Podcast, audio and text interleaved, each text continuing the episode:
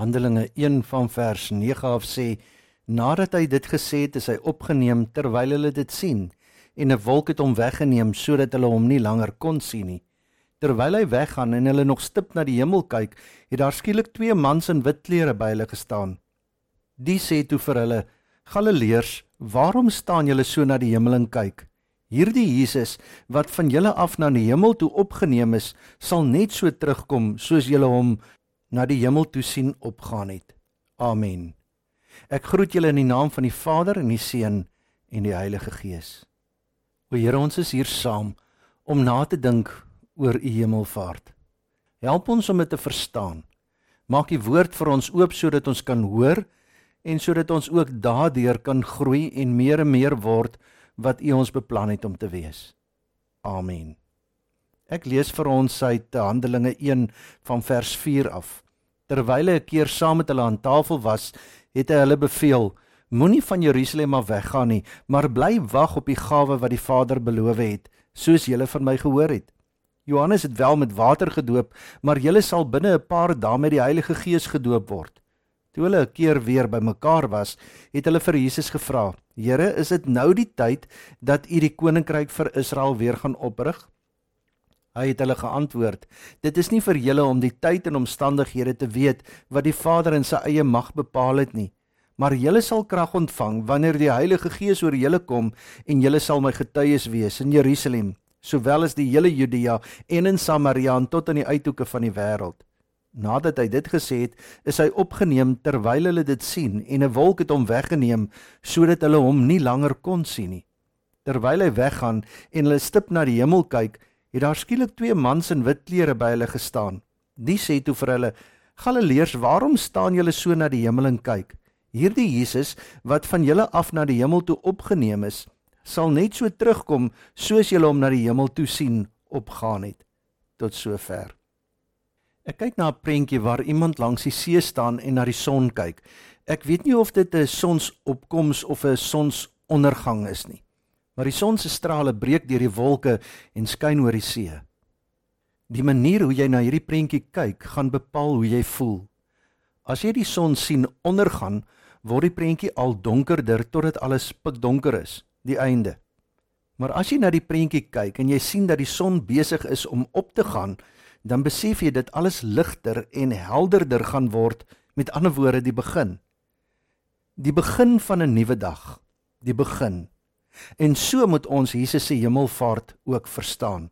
Die disippels verstaan eers nie Jesus se hemelvaart nie en daarom staan hulle verdwaas en opkyk. Nadat hy dit gesê het, is hy opgeneem terwyl hulle dit sien en 'n wolk het hom weggeneem sodat hulle hom nie langer kon sien nie. Jesus is weg. Die einde en daarom kom daar engele om hulle net weer perspektief te gee. Waarom staan julle so na die hemel en kyk? Hierdie Jesus wat van julle af na die hemel toe opgeneem is, sal net so terugkom soos julle hom na die hemel toe sien opgaan het. Met ander woorde, hierdie is nie die einde nie. Nee, dit is die begin. Hy gaan weer terugkom. Onthou alles wat hy vir julle vertel het. Hy gaan julle kom haal en onthou, hy los julle nie alleen nie. Hy sal sorg dat sy gees oor julle uitgestort word sodat julle ten volle kan lewe sodat jy 'n voller lewe kan lewe as wat jy gedink het moontlik kan wees sodat jy weer in die regte verhouding met God kan lewe. Julle sondes is nie net vergewe en betaal nie. Nee, hy het ook julle deur sy gees kom herskep om weer beeld van God te wees. Jesus kom plaas ons terug in die oomblik voor die sondeval in 'n algehele skoon sondelose lewe saam met God. God by ons en ons by God, volkome volgens God se wil. Jesus se hemelvaart is die begin, die sonsopkoms van jou lewe saam met God. En 'n nuwe dag gee nuwe hoop, nuwe verwagtinge, nuwe uitdagings, nuwe perspektiewe, nuwe geloof, nuwe lewe, nuwe liefde. En soos die son se strale deur en oor die wolke breek in die prentjie, so bly God se genade, sy liefde, sy versorging, sy vergifnis en sy teenwoordigheid vir jou deur alle omstandighede deurbreek.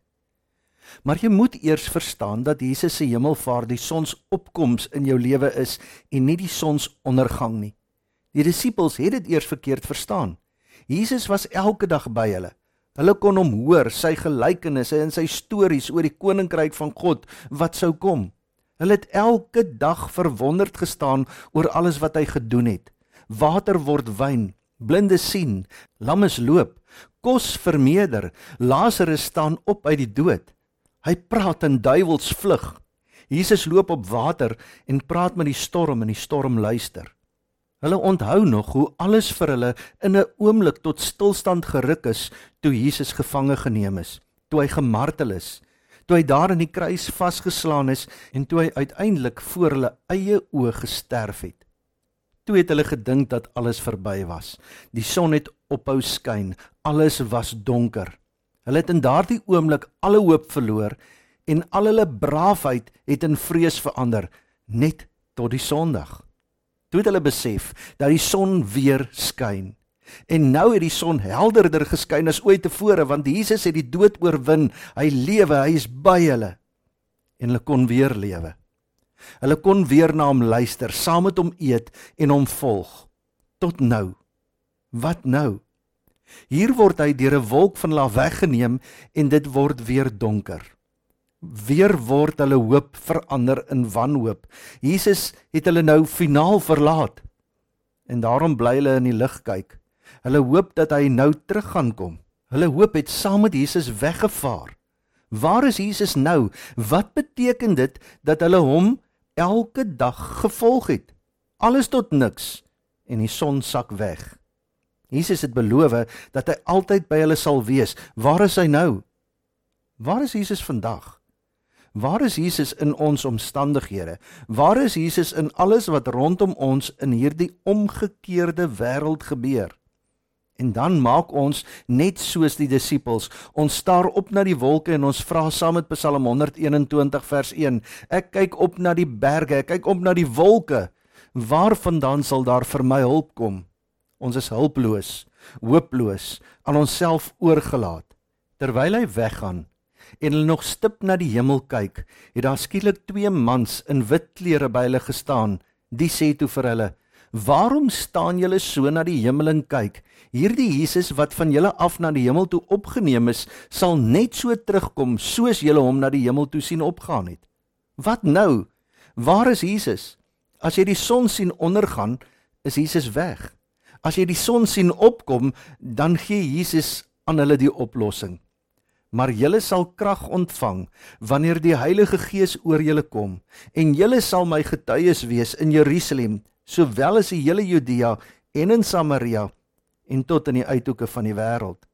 sien die Heilige Gees gaan oor julle uitgestort word en dan is julle my getuies maar julle sal krag ontvang wanneer die Heilige Gees oor julle kom en julle sal my getuies wees in Jerusalem sowel as in die hele Judea en in Samaria en tot in die uithoeke van die wêreld. My taak, my roeping word nou deur die Heilige Gees julle taak en julle roeping. Julle word weer my verteenwoordigers soos voor die sondeval. Ek herstel julle weer in dieselfde gestalte soos wat die mens voor die sondeval was. Ek blaas weer my gees oor julle en julle word weer beeld van God, nuut gemaak, herskep, verteenwoordigers van God. Want julle sal krag ontvang wanneer die Heilige Gees oor julle kom en julle sal my getuies wees in Jerusalem sowel as in die hele Judea en in Samaria en tot in die uithoeke van die wêreld. Jesus is dus nie meer hier op aarde om alles te doen nie, want dit is nie meer nodig nie want ons, ons wat die Heilige Gees ontvang het, is hier. Ons is die hoop vir die wêreld. Ons is Jesus se verteenwoordigers en daarom word die wêreld deur ons verander en genees. Ons is Jesus se verteenwoordigers en daarom word mense deur ons aangeraak en verander. Is jy al verteenwoordiger van Jesus? Maak jy 'n verskil in mense se lewens of staan jy nog en staar na die hemel en wag vir Jesus om terug te kom om die gemors te kom regmaak? Wat het jy dan met jou talente gemaak? Dit begrawe? Wat het jy dan met jou roeping gemaak? Of is die geloof ding en die getuienis ding wees die dominee se werk? Wanneer hou jy op om na die hemel te kyk en begin deur sy gees lewe? Die gees is reeds uitgestort. Die son kom op. Dis nie besig om te sak nie en jy is deel van die sonsopkoms. Romeine 12 van vers 1 af sê en nou doen ek 'n beroep op julle broers op grond van die groot ontferming van God. Gee julleself aan God as lewende en heilige offers wat vir hom aanneemlik is. Dis die wesenlike van die godsdiens wat jy moet beoefen. Julle moenie in hierdie sondige wêreld gelyk word nie, maar laat God julle verander deur julle denke te vernuwe.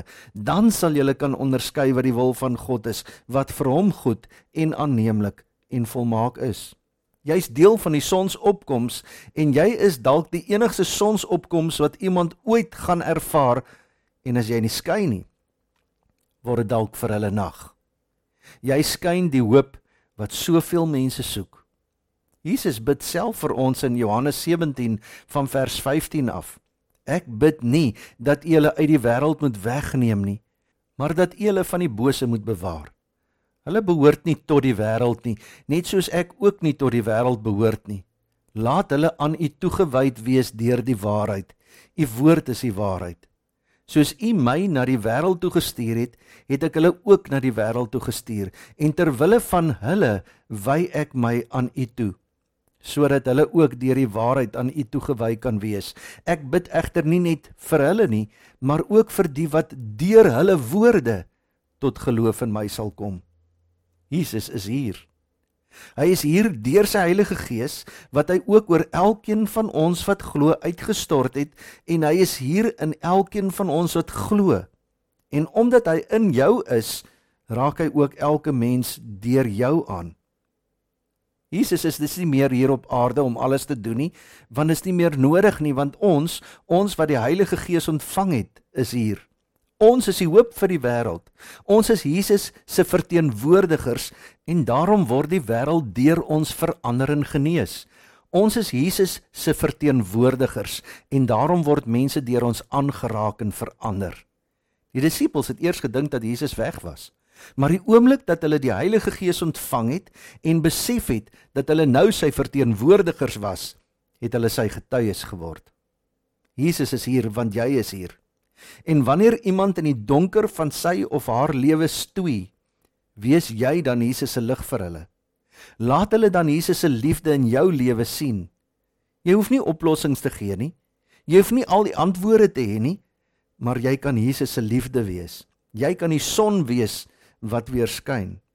Dan is Jesus nie meer ver daarbo in die hemel nie, maar hier by ons, in ons. Amen. O Here, dankie dat ons kan weet dat u Heilige Gees oor ons uitgestort is en vir ons die genade en die krag gee dat ons kan getuies wees, u getuies kan wees in hierdie wêreld. Verteenwoordigers van u wees. Beeld van God geskape sodat ons hier nou kan lewe.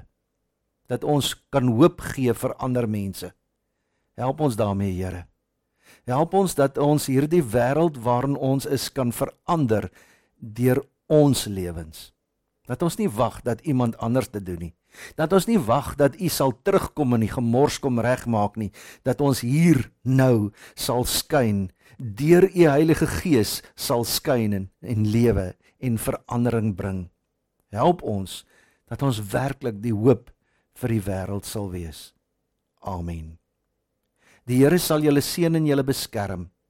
Die Here sal tot julle redding verskyn en julle genadig wees. Die Here sal julle gebede verhoor en aan julle vrede gee. Amen. My lewe is 'n